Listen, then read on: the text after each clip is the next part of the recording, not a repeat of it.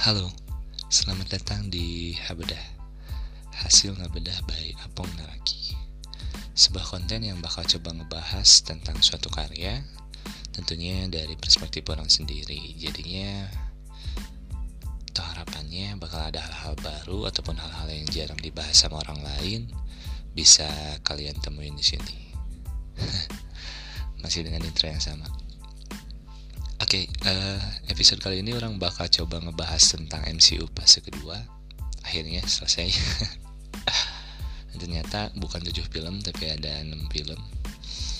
Karena uh, orang awalnya mikir kalau Captain America Civil Wars itu masuk ke fase kedua dan ternyata masuknya ke fase ketiga.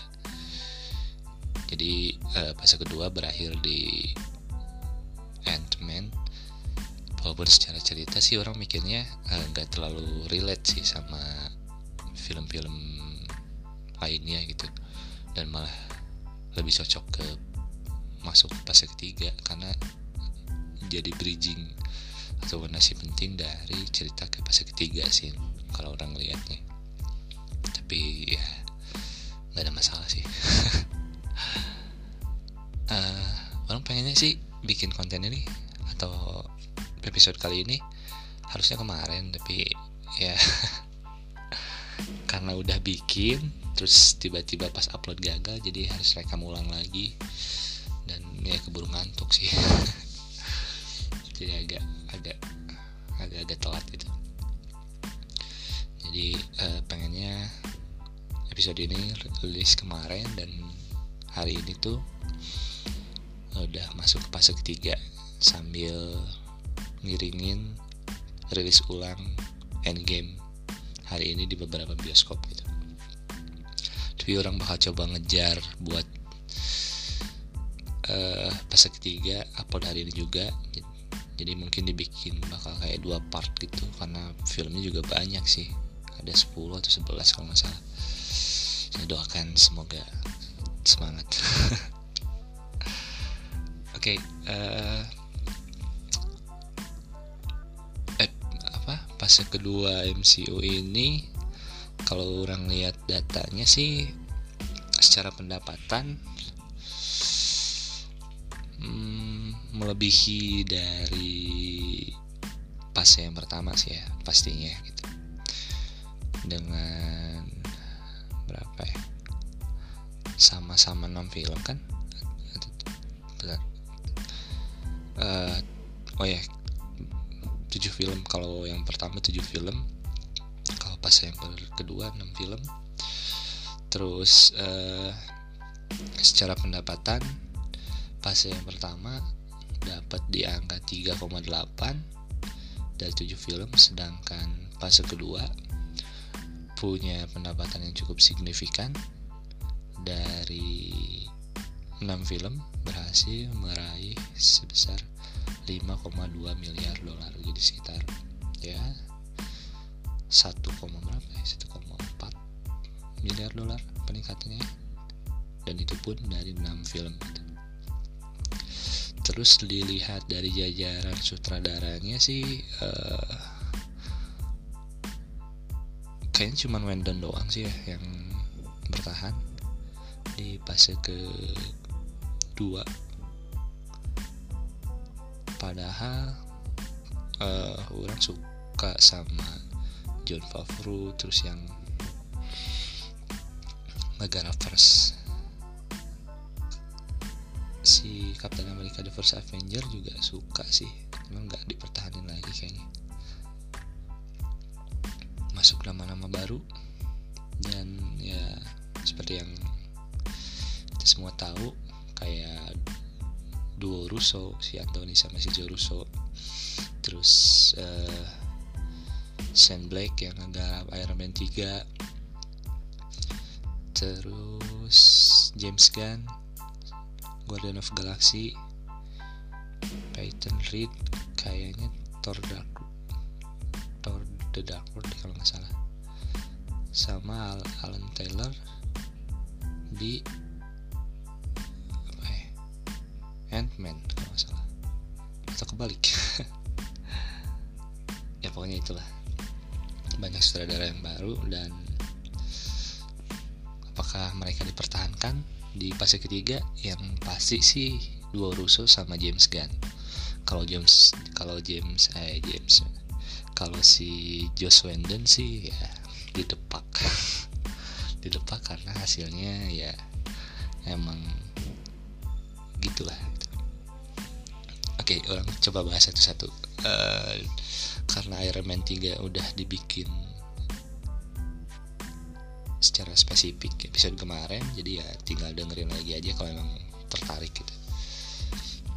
Ini orang lanjut ke uh, film Thor Dark World.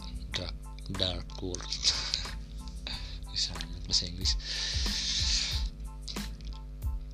Oke okay, uh,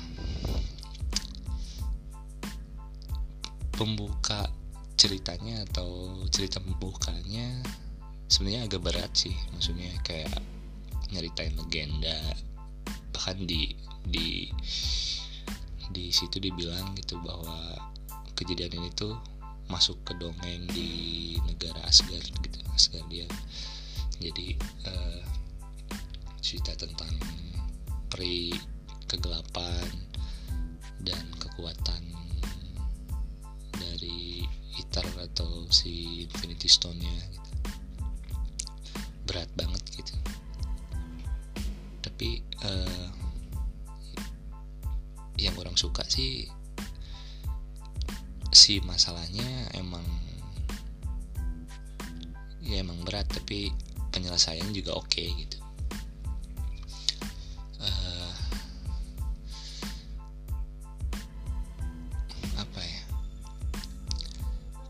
sini penyelesaiannya di apa di berhasil dituntaskan sama kekuatan teknologi gitu. Jadi kayak uh, nunjukin bahwa manusia itu sebenarnya punya potensi gitu.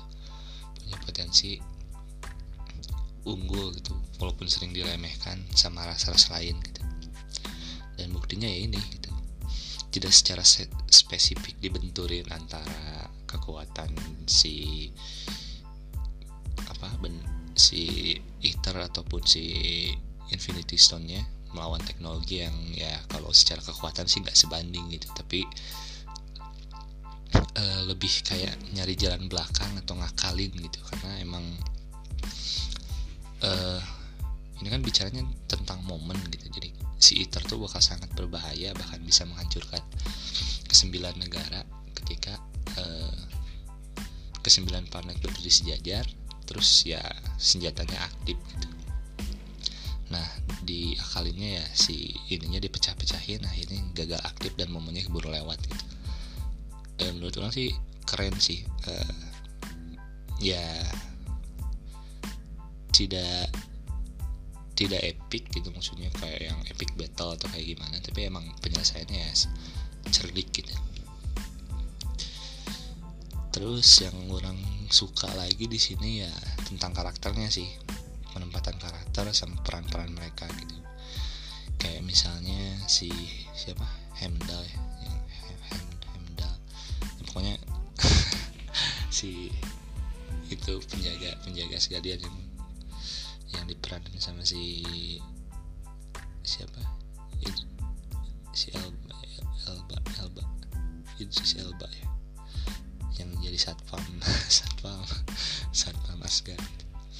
Terus orang suka juga sama si Darcy yang ngasih humor yang ya celutukan-celutukan yang pas gitu. Nggak ngerusak mood secara keseluruhan tapi ya menyenangkan gitu terus si Eric Selvig uh, punya peran yang signifikan juga. Ya terus sama si Loki sih. Ya sisi lain Loki di sini. Masih dengan ambisi yang sama tapi uh, dengan cara yang berbeda gitu. Kalau di film dua film sebelumnya bengis tapi di sini lebih nonjolin sisi kelicikannya gitu. Orang suka sih. Tapi uh, ada pertanyaan juga sih di benak orang. Yaitu tentang si Eric Selvig yang di awal diceritain jadi tiba-tiba gila gitu. Maksud, maksudnya ya si ekstrim si ekstrim itu gitu. Kenapa orang bilang tiba-tiba? Karena pas seingat orang sih di kejadian Avengers tuh ya walaupun dia dapat pengaruh dari tongkatnya si Loki tapi ya udah disadarin gitu udah udah sempat sadar dan dan malah ngebantu atau ngasih tahu cara menutup portalnya gitu. Portal alien itu. Jadi ya harusnya nggak nggak punya trauma atau jadi gila kayak gitu gitu.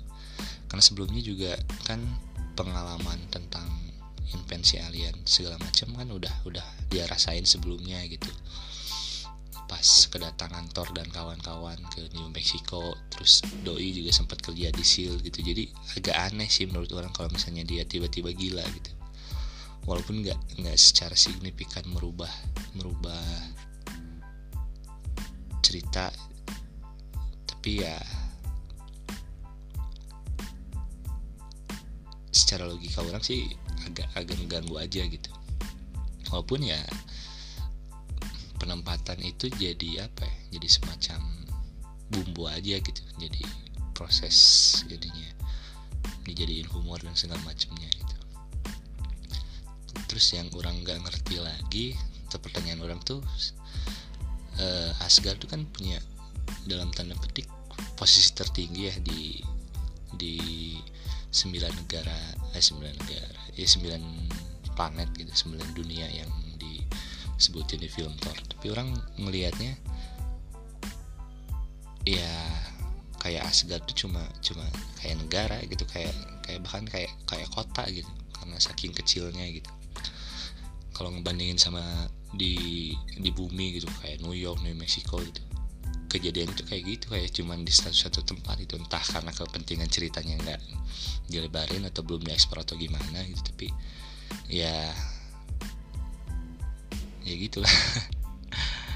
Uh, menurut orang sih ya bikin bertanya-tanya aja gitu. Kayak yang pas si Thor nyelamatin negara apa gitu yang orang lupa sih. Uh, dunia yang mana pokoknya itu jadi asal tempat uh, gengnya si Thor yang mukanya Asia itu. Dari situ kayak kayak kampung aja gitu bukan bukan planet gitu jadi uh, untuk menggambarkan sebuah dunia sih kayaknya masih terlalu sempit gitu. Atau karena ya itu tadi kepentingan ceritanya nggak nggak di ini gitu. Walaupun ya kerennya tuh mungkin karena emang kejadiannya di kerajaan atau misalnya di ibu kota jadi dampaknya lebih kerasa sih. E, ada ada timbal balik atau apa ya? E, kalau misalnya di film-film lain kan kayak masyarakat atau pemerintahan itu nggak terlalu kena dampak atau apa ya? Padahal kan ya kayak gedung-gedung terus banyak kerusakan kerusakan korban segala macam gitu. Kalau di film-film lain tuh nggak kerasa ada ada dampak gitu kalau di sini tuh kerasa. Gitu. keputusan uh, si Odin sebagai raja gimana ini terus rakyat segala macam ya bagusnya di situ sih. Jadi ya orang secara keseluruhan suka sih sama film ini. Rapih gitu eksekusinya. Si gayanya juga bagus. Keren lah actionnya umurnya termasuk salah satu favorit orang di MCU fase kedua ya bisa dibilang film ketiga favorit orang. Terus habis ini lanjut ke uh, Captain America Winter Soldier. Uh, setelah nonton film ini orang jadi lebih suka sih sama si Captain America si Steve Rogers. Karena emang uh, paling heroik sih menurut orang. Dari keseluruhan film MCU garapan Marvel Studio ya. Kalau secara karakter Marvel sih atau film Marvel yang udah pernah liris ya hampir ngebanding sama Spider-Man-nya Sam Raimi sih. Benar-benar heroik gitu punya jiwa kepahlawanan yang tinggi gitu. Uh, dua-duanya berkorban atau ngorbanin kepentingan pribadinya buat nyelamatin orang lain gitu. Apalagi kayak si Steve Rogers kan kayak nggak punya ambisi gitu. Ya selain kesetiaannya sama si Peggy gitu. Ya di ya apa coba? Punya motivasi atau keinginan apa gitu.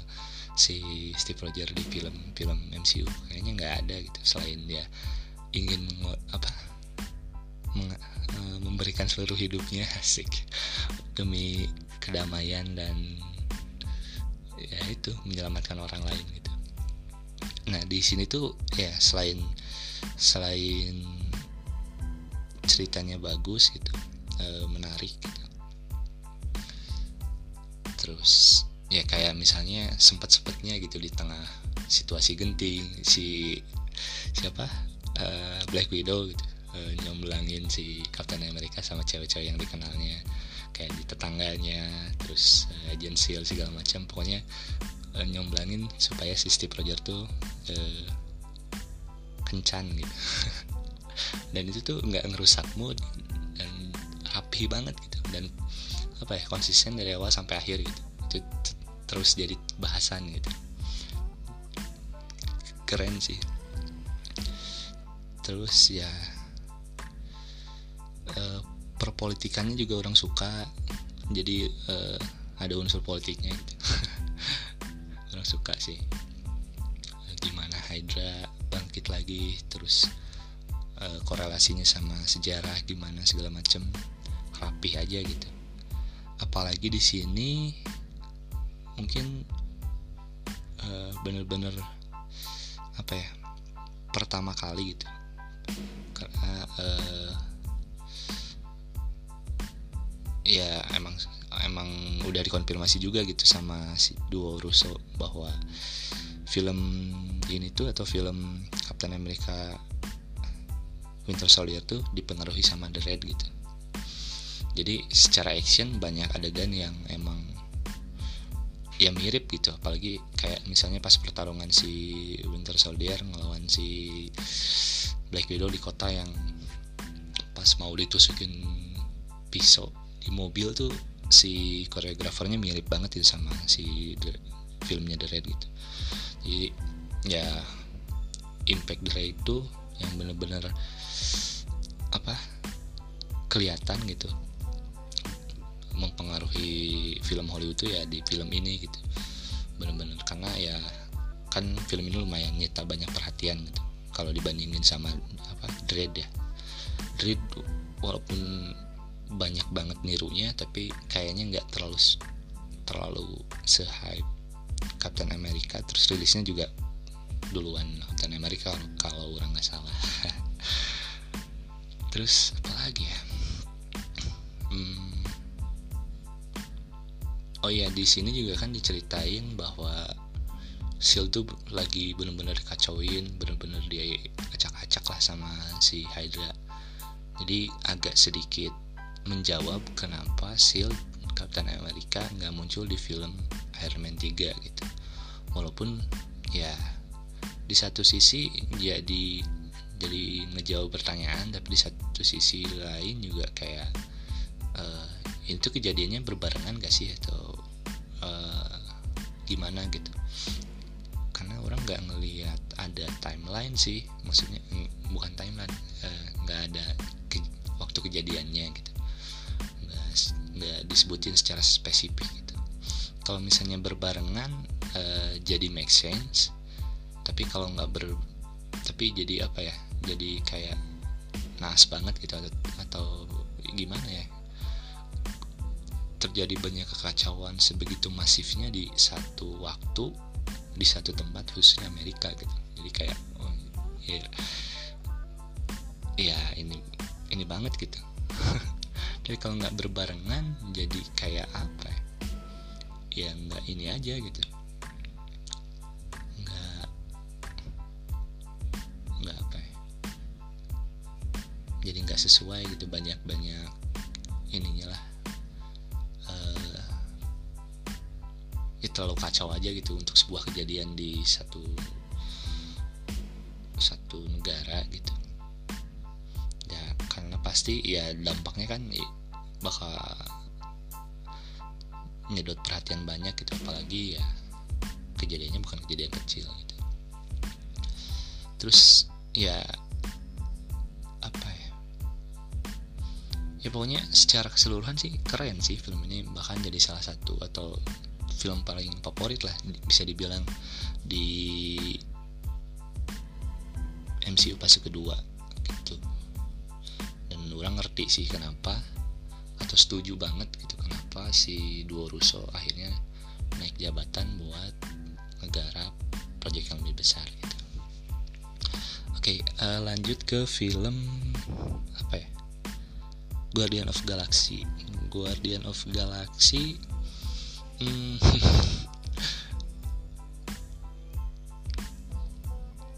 masih sama, masih sama keren gitu. Orang masih inget ketika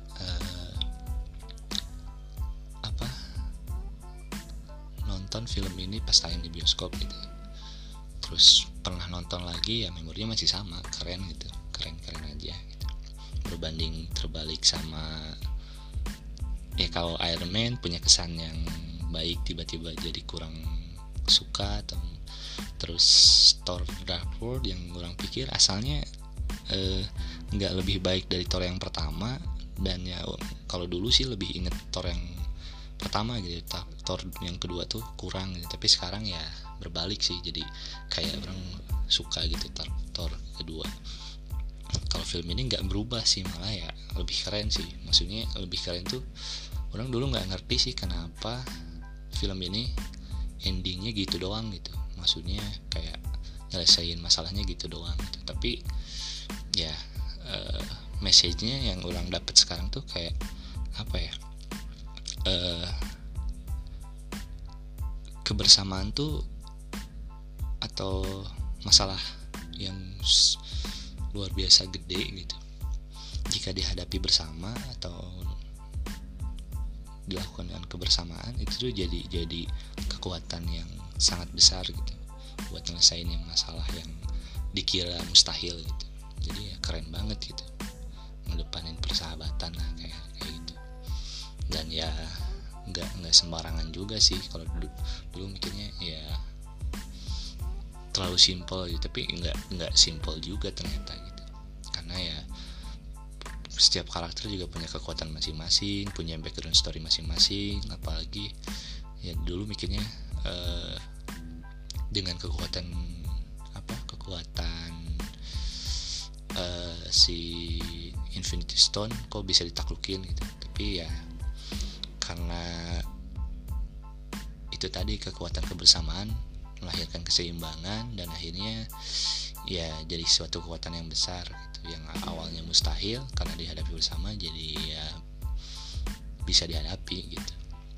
Terus karakter-karakternya juga kuat banget sih. Kayak si Groot gitu kan. Ya persona Vin Diesel emang keren banget gitu dan nggak salah sih walaupun katanya kan Doi termasuk salah satu aktor yang dibayar paling mahal ya di MCU selain si Robert Downey Jr. Walaupun cuma I am Groot, I doang gitu, tapi secara emosi benar-benar kayak ngidupin banget si karakter si Groot gitu. Jadi bikin jatuh cinta sama si Groot. Terus uh, si Bradley Cooper yang meranin Rocket gitu. Cocok banget gitu. Jadi keren gitu gimana si James Gunn ngerekrut aktornya atau menyesuaikan aktor sama case apa bukan case peran yang ada di cerita gitu. Uh, ya walaupun aneh sih kalau dibilang aneh gitu. Si James Gunn ini malah merekrut bintang superstar gitu ya. Kayak si Vin Diesel, Bradley Cooper. Malah dijadiin buat uh, sidekicknya doang gitu. Tapi di sisi lain ya berhasil kayak uh, memperkenalkan dalam tanda petik ya uh, si kayak si siapa? Si Chris Pratt terus si Dave Batista sama si siapa yang jadi Gamora ya? Ya, ya patut diakui gitu reputasi mereka tuh belum segede sekarang gitu atau tidak sebesar setelah eh sebelum membintangi Guardian of Galaxy gitu. Jadi bener-bener lompatan besar gitu. Dan ya padahal mereka kan secara kelas juga kalah gitu sama secara ketenaran gitu maksudnya eh, dari si Bradley Cooper atau misalnya si di, siapa si Vin Diesel. Tapi ditempatin di posisi yang bintang utama lah gitu. Dan itu berhasil gitu. Jadi jadi case yang seimbang malah gitu. terus karakter-karakter lainnya juga punya potensi yang kuat gitu. Kayak si uh, ya Dave Bautista eh Dave Bautista Dave Bautista yang jadi si Drax terus si kolektor juga orang dulu malah mikirnya kan, kan mirip banget sama si Brad Pitt ya. Kirain itu si Brad Pitt ternyata bukan. Terus uh, karakter siapa lagi ya? Yang hampir semuanya unik sih. Kayak si The Collector terus si yang pertama jadi apa? Jadi tuh siapa? Si broker terus pimpinan Nova Corp gitu apalagi si Yondu. Yondu kan wah lovable banget itu. Potensi karakternya itu kuat banget itu. Jadi wajar kalau misalnya di film selanjutnya nyedot perhatian banget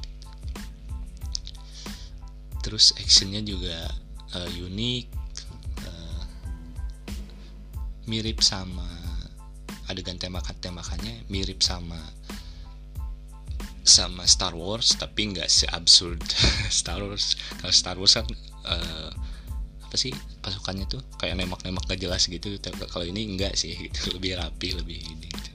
unik gitu. uh, secara keseluruhan sih uh, bagus eksekusinya keren rapi CGI-nya keren punya keunikan sendiri musiknya juga gitu jadi salah satu salah satu film yang berhasil mempopulerkan musik-musik ya tahun berapa sih? Ya pokoknya uh, musik-musik uh, tahun segitulah gitu buat populer lagi. Dan pertanyaan terbesar orang yang atau gangguan terbesar orang di film ini ya si Ronannya sih si karakter utamanya gitu. Uh, sebenarnya nggak ada yang salah sih karena di sisi lain uh, kenapa si villain nggak terlalu kuat secara karisma atau perhatian atau segala macam ya karena karakter-karakter lainnya atau karakter utama uh, protagonisnya yang jadi dominan gitu. Dan sebenarnya uh, mungkin karena di sini Thor juga bukan si Thor si Thanos uh, belum boleh dipakai secara atau belum boleh dieksplor gitu cuma ini ini doang gitu teaser teaser doang lah walaupun nanti di endgame punya punya atau jadi kejadian penting gitu kan.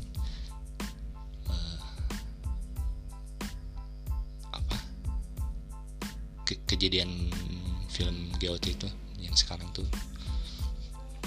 Tapi ya karena mungkin karena belum boleh dieksplor jadi ya si siapa? Si Ronannya yang jadi ditonjolin itu walaupun ya kurang sih maksud orang kayak uh, potensinya ya nantilah pokoknya ada uh, tentang ini tuh ada kaitannya sama film film Endgame sih dan perlu perlu dibahas nanti secara spesifik di film Endgame aja sih. Nanti orang coba bahas lagi. Jadi secara keseruan film ini keren gitu. Jadi favorit orang nomor 2 jadi Captain America Winter Soldier terus film ini Guardian of Galaxy habis itu Thor Dark World. Nah lanjut ke film selanjutnya yaitu uh,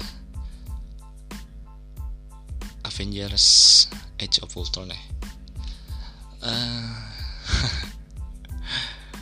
ini juga sama sih kayak nasibnya kayak Iron Man 3 gitu. Kalau dulu mikirnya orang film ini tuh lebih bagus daripada Avenger yang pertama gitu. Tapi kalau dilihat sekarang sih malah sebaliknya gitu dengan potensi yang harusnya bisa lebih baik gitu. Karena udah lebih dikenal dunianya udah lebih banyak yang bisa dieksplor karakternya udah lebih enak buat di assemble atau buat digabungin dan segala macam. Ya Whedon di sini gagal sih. Gagal dalam arti ya budget produksinya ditambah eh, bahan baku cerita karakter segala macamnya udah pasti improve dari yang pertama tapi filmnya nggak lebih baik gitu daripada Avenger yang pertama. Apalagi secara garis besar atau secara konflik ini tuh mirip-mirip banget sama Captain America First bukan First Avenger sama Captain America Winter Soldier gitu. Uh, kalau orang bandingin sih ya. Jadi uh, kalah kelas gitu sama Captain America Winter Soldier udah masih CGI-nya buruk gitu. Orang bilang buruk tuh karena um, banyak banget banyak banget adegan yang CGI-nya tuh nggak nempel gitu nggak ngeblend gitu. Kayak kayak Iron Man aja armornya. Ada beberapa yang kerasa banget gitu nggak nempel atau kelihatan kartun banget gitu. Padahal kan ya Iron Man bukan bukan bukan pertama kali digarap udah beberapa film yang ini. Tapi di film ini tuh banyak banyak banget gitu. Yang nggak nempel. Terus si Ultronnya sendiri juga ya gitu sih gayanya jelek gitu. Kenapa nggak dibikin suit kayak armornya si Iron Man gitu? Bener-bener dibikin apa sih partikel effect atau apa gitu ya? Lupa ininya. Uh, ya kayak dibikin besi besinya gitu. Nggak nggak 100% CGI atau kayak si Ultron gitu. Eh bukan si Ultron kayak si Vision gitu dibikin emang dibikin ininya gitu. Karena beberapa ya emang nggak nempel gitu. Kayak kerasa banget kartunnya gitu. Terus tipikal banget si Wendon tuh suka sama uh, action seremonial gitu seremonial kayak apa ya ala-ala Power Ranger gitu. Jadi semacam menyerang berformasi dan ya harus banget kelihatan ininya gitu. Uh, action apanya gayanya gitu. Padahal ya untuk situasi tertentu gitu. Untuk situasi yang genting atau ya logika orang sih mikirnya nggak bisa buat gaya-gayaan gitu gitu. Bahkan ya bertarung asli itu nggak se seindah itu gitu. Ya mungkin bagus sih secara scene tapi ya menurut orang kayak terlalu maksain aja gitu. Kayak harus ngebikin lingkaran lah atau segala macam gitu. Tapi ya tipikal sih itu banget gitu di di film Avenger yang yang pertama pun kayak gitu. Nah di film yang kedua malah lebih banyak gitu. Terus apa lagi ya? Uh, ada sih salah satu yang paling fatal menurut orang ketika si Thor uh, nyari datang ke apa ya kayak danau atau apa uh, air air terjun ingatan gitu.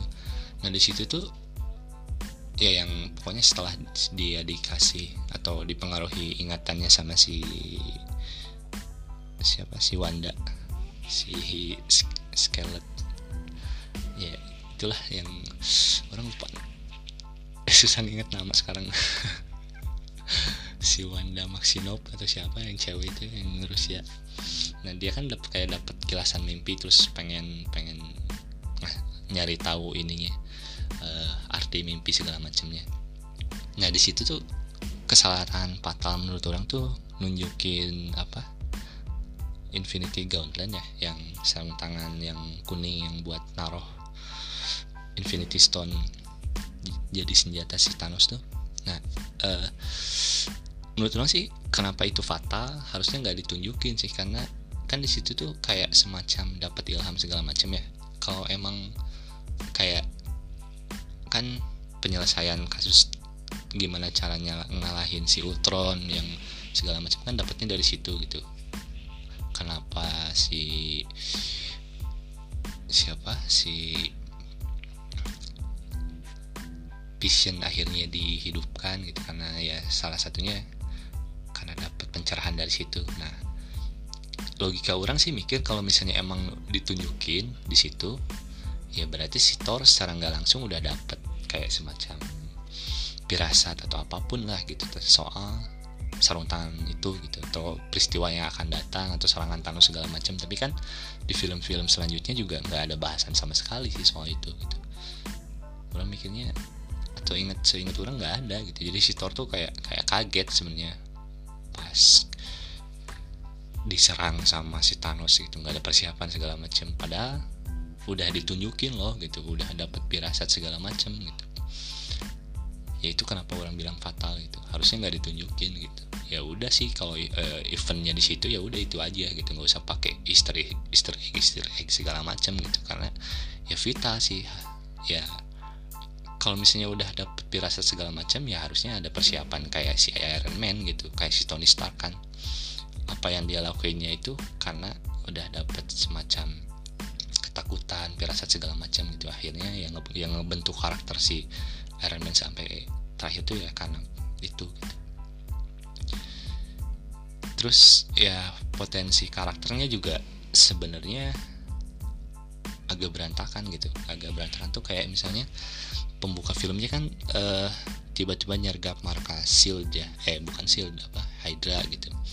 Ada beberapa lompatan yang menurut orang enggak nyambung gitu dari film-film sebelumnya. Kayak misalnya secara di film terakhirnya atau di scene terakhirnya Captain America Winter Soldier kan si Steve Rogers tuh lagi fokus nyari si Buck gitu si Winter Soldiernya terus ya diajak ngemisi sama si atau menyelesaikan misi sama si Nick Fury juga nolak gitu karena pengen fokus. Terus tiba-tiba uh, nggak diceritain sama sekali nggak ada korelasinya sama sekali itu tiba-tiba ya udahlah gitu, gitu. Tiba-tiba bersatu aja gitu sama sama Avenger gitu. Ya menurut orang sih agak terlalu lompat aja gitu kayak si Iron Man uh, setelah kacau segala macam gitu tiba-tiba uh, bersatu dan ya, ya gitulah gitu. Orang agak agak ini sih sayang aja gitu. Terus apa lagi ya? Ya yang menonjol tuh justru di sini menurut orang sih malah si si clean sih maksudnya si Hawkeye gitu. Perannya tuh kalau nggak ada situ ya udah uh, Avenger tuh kacau balau gitu walaupun secara porsi ya mungkin dia tuh bukan bukan pemeran utama gitu bukan ini.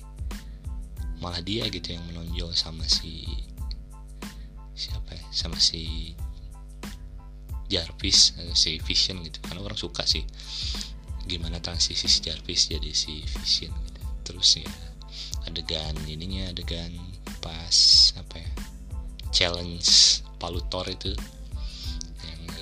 ngelahirin teori sebenarnya si Captain America sanggup ngangkat atau enggak atau dia sengaja ngangkat segala macam gitu itu terus apalagi ya? Ya itu sih paling yang orang suka. Kalau secara konflik sih ya. Ya gitu lah pokoknya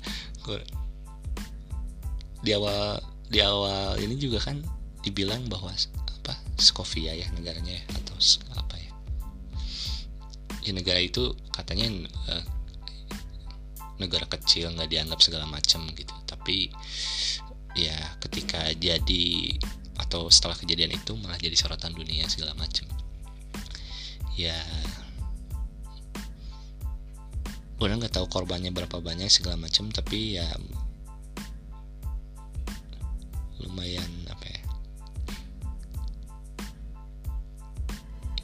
ya? Kayak mengadak-ngadakan aja gitu. Kenapa eh, kejadian tersebut dijadiin landasan sedangkan eh, kejadian yang lebih gede di kayak kejadian si Thor misalnya yang atau kejadian serangan si di Iron Man 3 atau misalnya di film Avenger gitu itu kan dampaknya lebih gede sih.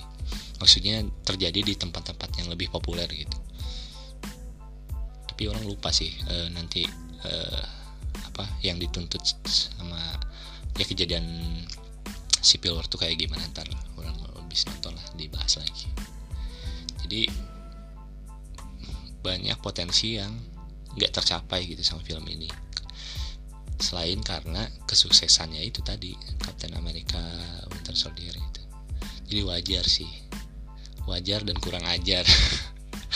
Si Joss Whedon didepak terus malah ngegarap atau dipercaya nge eh, ngelanjutin uh, Justice League gitu.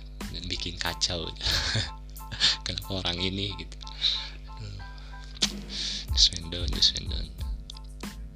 Parah sih terus uh, apa lagi ya? Oh ya lanjut ke film Ant-Man. Ya. Keren sih. Hmm, walaupun nggak punya relat apa nggak relate secara cerita ke lima film sebelumnya dan lebih nyambung ke film fase ketiga. Tapi ya punya cerita yang solid terus tidak walaupun ya ngebangun ceritanya itu nggak nggak ujuk-ujuk gitu. Emang sih kejadiannya dari benar-benar dari luar gitu tapi ngebangun relasinya ke dekat depan tuh smooth gitu. Jadi nggak nggak tiba-tiba dimunculin gitu aja gitu. Keren sih. Terus potensi karakternya juga bagus-bagus uh, punya peran yang penting. Kayak si yang Meksiko itu siapa sih? Jose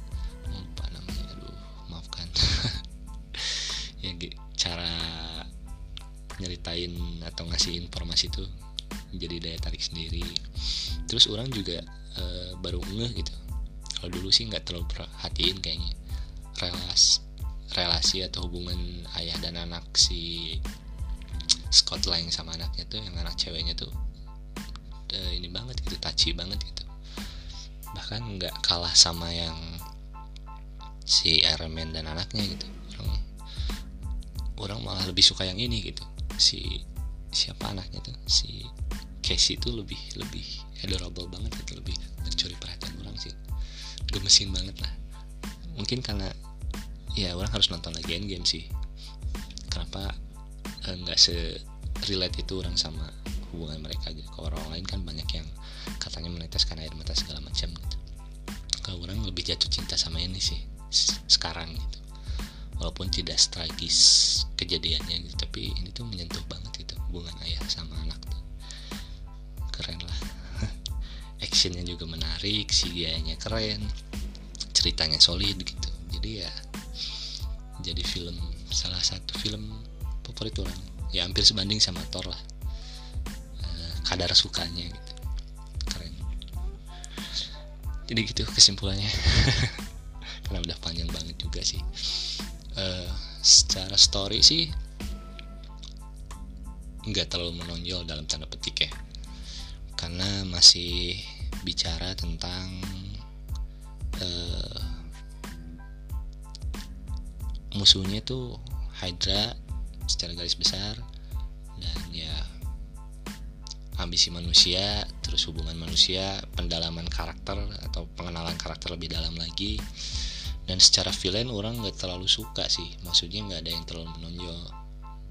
Lebih lebih mentereng si uh, ininya gitu, uh, apa si protagonisnya gitu. Ya ada deh satu si The Mandarin paling. Si Mandarin yang versi KW nya itu yang si Trevor Slater. Bener-bener di luar dugaan gitu. Tapi orang suka banget itu sama si itu gitu. keren gitu. Bener-bener nempel di otak gitu. Itu sih paling. Sama ada fakta menarik sih. Eh, ya sebelum I Love You 3000 bener kan?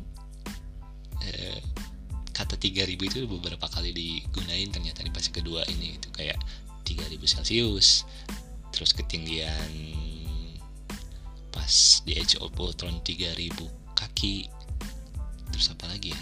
3000 apa gitu pokoknya ya kata 3000 itu ternyata udah beberapa kali diulang dan dijadikan apa semacam uh, angka yang penting gitu. Entah di setup atau enggak gitu apalagi kemudian jumlah durasi film secara keseluruhan sekarang 3000 menit gitu. Walaupun udah dikonfirmasi itu cuma kebetulan doang gitu. Ya jadi salah satu fakta aja gitu fakta menarik aja sih menurut Oke karena videonya udah cukup banyak video kontennya udah cukup panjang udah 45 menit jadi kayaknya segitu dulu deh. Ntar kurang usahakan buat hari ini ngejar uh, fase terakhir atau fase ketiga. Entah orang bikin dua part atau tiga part orang nggak tahu pokoknya ya doakan semoga selesai. Dan orang udah nggak sabar pengen bahas tentang endgame karena orang masih yakin bahwa film Endgame tuh dalam tanda petik ya dalam tanda petik nih sorry bukan selera orang dan ya bisa dibilang ya kayak film Avenger yang kedua gagal memanfaatkan potensi dan dalam tanda petik ya busuk sih. Nggak sepik yang dibilang sama orang-orang dan gagal sebagai kalau dibilang masterpiece ya gagal sih. Apalagi sebagai atau momennya uh, eh, 11 tahun perjalanan MCU segala macam. Nggak terang sih gagal sih. Boleh setuju atau enggak tapi nanti orang bakal coba bahas kenapa dan ada hal-hal yang nyebabin itu kejadian gitu. Tunggu aja ya. Terima kasih banyak udah ngedengerin sampai akhir. Apalagi durasinya panjang banget mudah-mudahan ada manfaatnya atau hal-hal baru yang bisa kalian temuin di sini. Uh, semoga orang bisa ngebuat konten yang lebih baik lagi ke depannya. Kalau ada masukan, ada kritikan, ada koreksi segala macam, boleh hubungin orang di Instagram, boleh DM langsung. Di atau di Facebook juga karena Twitter orang uh, gak terlalu aktif sih, belum diaktifin lagi lebih tepatnya. Di apong underscore naraki atau apong naraki cari aja, pokoknya uh, Apong Naraki nggak ada yang lain sih kalau sekarang. Oke okay, uh, eh, orang Apong Naraki pamit. Ah,